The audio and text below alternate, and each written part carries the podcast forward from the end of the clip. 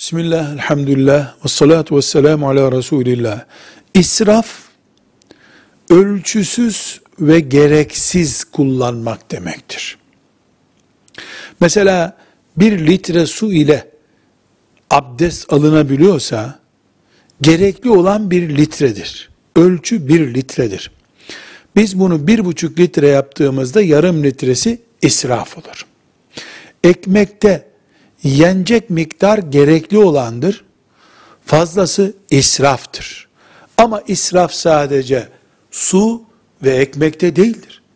Ömrün de bir nimet olarak sudan ve ekmekten daha değerli olduğunu bilmemiz gerekiyor. Bir toplantıda, bir buluşmada, bir ziyarette, bir gezide harcanması gereken vaktin daha fazlasını harcamak israftır. Zamanın da israfı var. Arkadaşlığın da israfı var. Şakanın da israf olan boyutu var. Ölçüsüz ve gereksiz yapılan işler parada da, ekmekte de, suda da, arkadaşlıkta da, insan ilişkilerde de israftır ve israf haramdır. Allah israf edenleri sevmez.